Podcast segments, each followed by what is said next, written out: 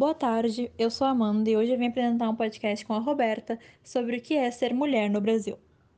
Todos os dias no Brasil, mulheres são assassinadas por seus parceiros, familiares e desconhecidos.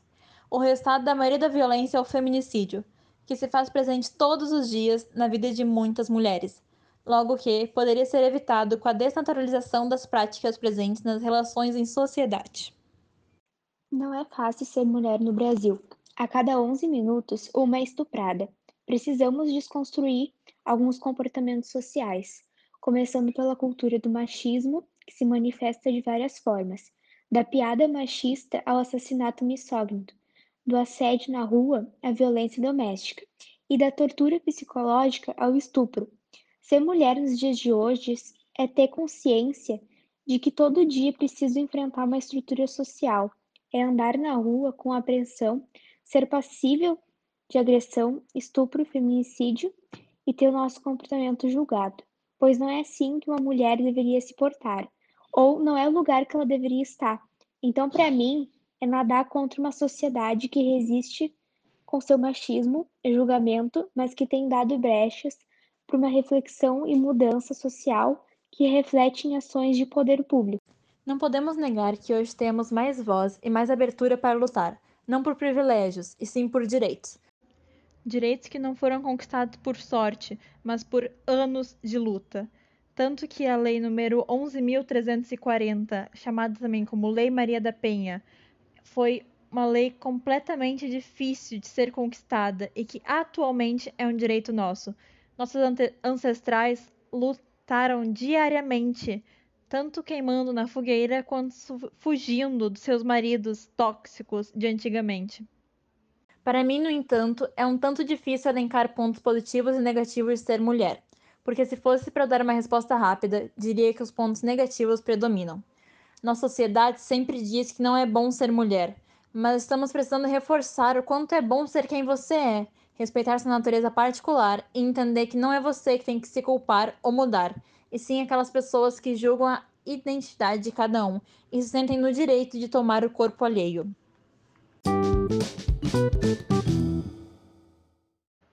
Outros tipos de violência no Brasil.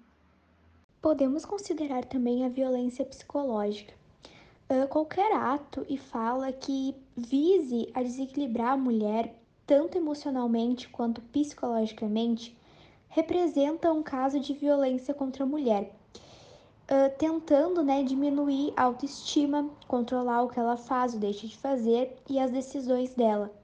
Essas atitudes que violentam a mulher acontecem por meio de ameaça, humilhação, isolamento, tudo através do homem. E também existe quando o homem utiliza essas manipulações para fazer a mulher se sentir louca ou desequilibrada fazendo ela duvidar de seus pensamentos e posicionamentos. E isso faz com que cresça uma maneira de abuso psicológico no qual uh, as informações são distorcidas, são seletivas e fazem favorecimento do abusador. Andar pelas ruas e ouvir um comentário obsceno sobre o seu corpo é um elogio. Ouvir uma cantada no ambiente de trabalho é algo natural. Ser encoxada no transporte público faz mesma parte da rotina das grandes cidades? A resposta para todas essas perguntas que eu fiz agora é não. Tudo isso é assédio sexual. Normalmente, as pessoas. Abrangendo outros tipos de violência, como o assédio verbal, o assédio sexual, a violência financeira e todos os outros aspectos, podemos citar que a maioria das vítimas desenvolvem depressão, e ansiedade, trazendo também consigo síndrome do pânico, por ter medo de que outras pessoas vão tomar posse do corpo dela, da vida dela, do dinheiro dela ou de qualquer outra situação. Uma mulher abusada jamais vive normalmente em sociedade. Além disso, vale ressaltar claramente que as cantadas ou os assédios físicos não são uma forma de conhecer as pessoas para um relacionamento íntimo. Uma paquera acontece com consentimentos de ambas as partes. É uma tentativa legítima de criar uma conexão com alguém que você conhece e gosta. O sujeito que grita gostosa no meio da rua de dentro do seu carro, que buzina, que assobia ou que faça piadinhas maldosas cada vez que uma mulher bonita passe na rua, quer na verdade na minha opinião, causar confusão justamente para poder continuar uh, fazendo o que quiser sem dor na consciência. Paquera não causa medo nem angústia. O mais importante é buscar o consentimento, o sentimento de aceitar o não como, re como resposta. Mulheres fora do padrão no Brasil. Além do machismo tradicional inserido na sociedade, temos também pontos separados, como o machismo com mulheres negras, que são tratadas sem nenhum reflexo na autoestima. Os fatores machismo e racismo juntos resultam numa clara disparidade no mercado de trabalho. Então, mulheres negras, trans, gordas, lésbicas e cada mulher que luta contra os outros preconceitos é preciso resistência e lutar para existir a representatividade no espaço de ser feliz sendo quem você é, seja no trabalho, na família, nos amigos ou em qualquer outro lugar. Outro fator importante que devemos relatar é que além de lidarmos com o julgamento masculino, ainda temos que aprender a conviver com a rivalidade feminina. E por conta que um número considerável uh, de mulheres são criadas de forma machista, suficiente para invadir algumas lutas femininas. As feministas, elas têm lutado cada vez mais para inserir a palavra sororidade no vocabulário de todas, e então uh, fazendo progressos, mas a passos de formiga. Violência e invalidação da mulher LGBTQIA+, no Brasil. Além da sociedade nos sexualizando desde pequenas, como aos 10 anos de idade por roupas que usamos, mulheres lésbicas, bissexuais ou pansexuais também lutam com essa sexualização diariamente quando querem beijar as suas companheiras e as suas namoradas, esposas e afins. Contando que muitas vezes em baladas, em pubs ou em bailes, chega um homem que tem uma mentalidade completamente machista falando: "Ah, beija ela na minha frente. Quero ver se tu é lésbica mesmo." Até quando mulheres assim precisarão provar para os outros a sua própria sexualidade? Até quando o amor não vai ser respeitado e incluso na sociedade atual? Além disso, podemos realçar que mulheres trans, principalmente, lutam em busca dessa aceitação do público feminino diariamente, muitas vezes falhando.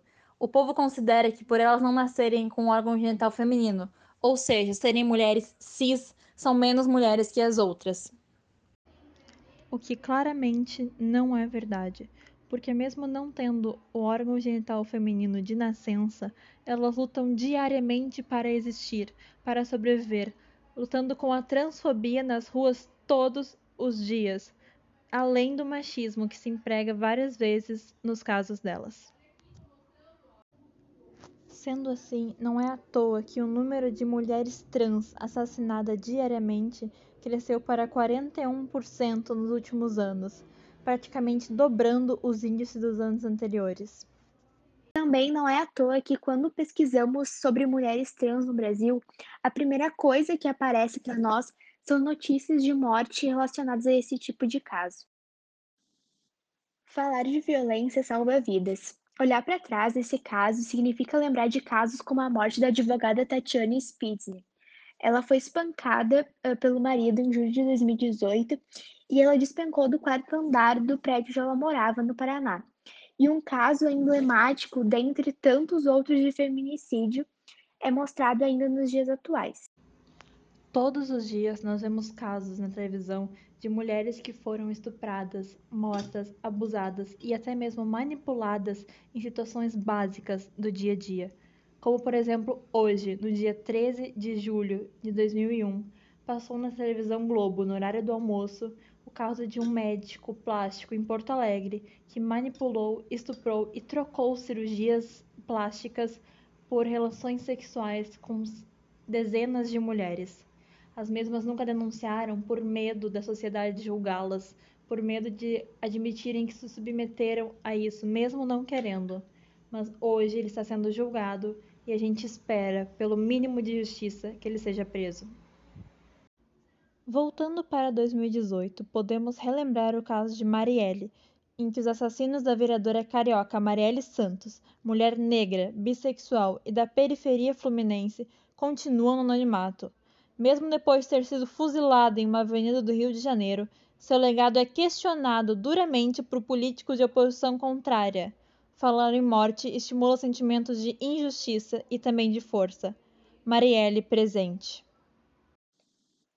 Nos últimos 12 meses, algumas delas decidiram falar sobre os estupros cometidos durante décadas por João de Deus. Elas deram força para outras centenas, a coragem para expor e a quantidade impressionante de crimes dos quais ele é suspeito faz com que o caso se tornasse um dos maiores de estupro do país. Outro relato importante são que os assassinos da transgênero Dandara dos Santos, espancada no meio da rua à luz do dia no Ceará, também foram condenados pelo crime, o que ainda não significa que estamos perto de acabar com crimes de ódio. O Brasil é o país que mais mata pessoas trans no mundo inteiro. Então eu te pergunto, por que o país que mais mata essas pessoas é o mesmo que consome a maior pornografia trans? Relembrar histórias revoltantes como essa faz com que mais gente perceba a importância da denúncia e de como a violência predomina sobre a vida das mulheres. Atualmente, cifras assustadoras e vergonhosas apontam o Brasil uh, como o quinto país do mundo que mais mata suas mulheres.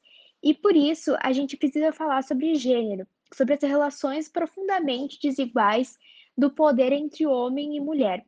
Afinal, o que faz um homem acreditar que ele pode eliminar, eliminar a vida de uma mulher quando ela se recusa a manter relação sexual com ele, ou quando recusa um beijo, ou um abraço, ou de qualquer outro ato entre eles, ou quando ela se recusa a permanecer no relacionamento.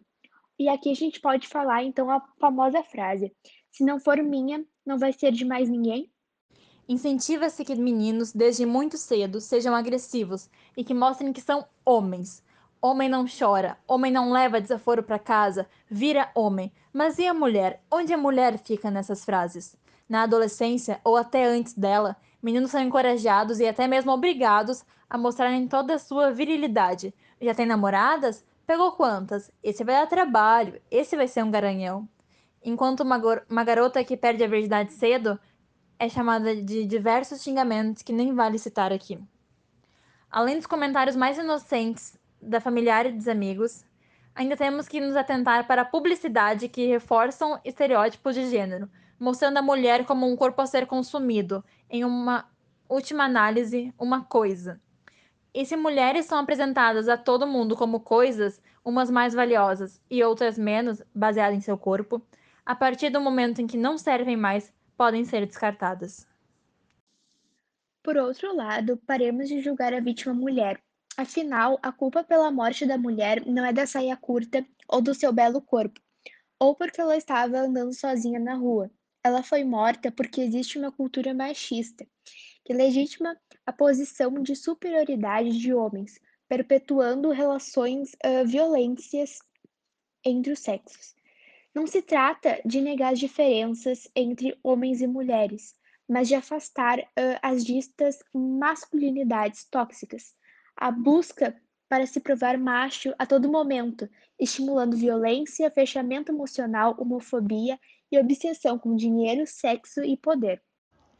Deixando um pouco o feminicídio do lado, os estupros e os abusos sexuais, poderemos falar também como o machismo está impregnado na nossa sociedade em pequenas situações, como por exemplo, quando uma garota, criança ou adolescente vai para a escola e até certa idade ela deveria parar de usar aquelas saias de uniforme, visto que os hormônios dos meninos estão à flor da pele e talvez joelhos incomode-os. Mas por que não ensinam os meninos, os homens e os garotos a se cuidarem? Não ensinam ele a respeitar os outros, tratando desde pequeno, no ensino fundamental, a mulher como um objeto, como submissa da sociedade, que deve ser quieta, calada, se vestir decentemente.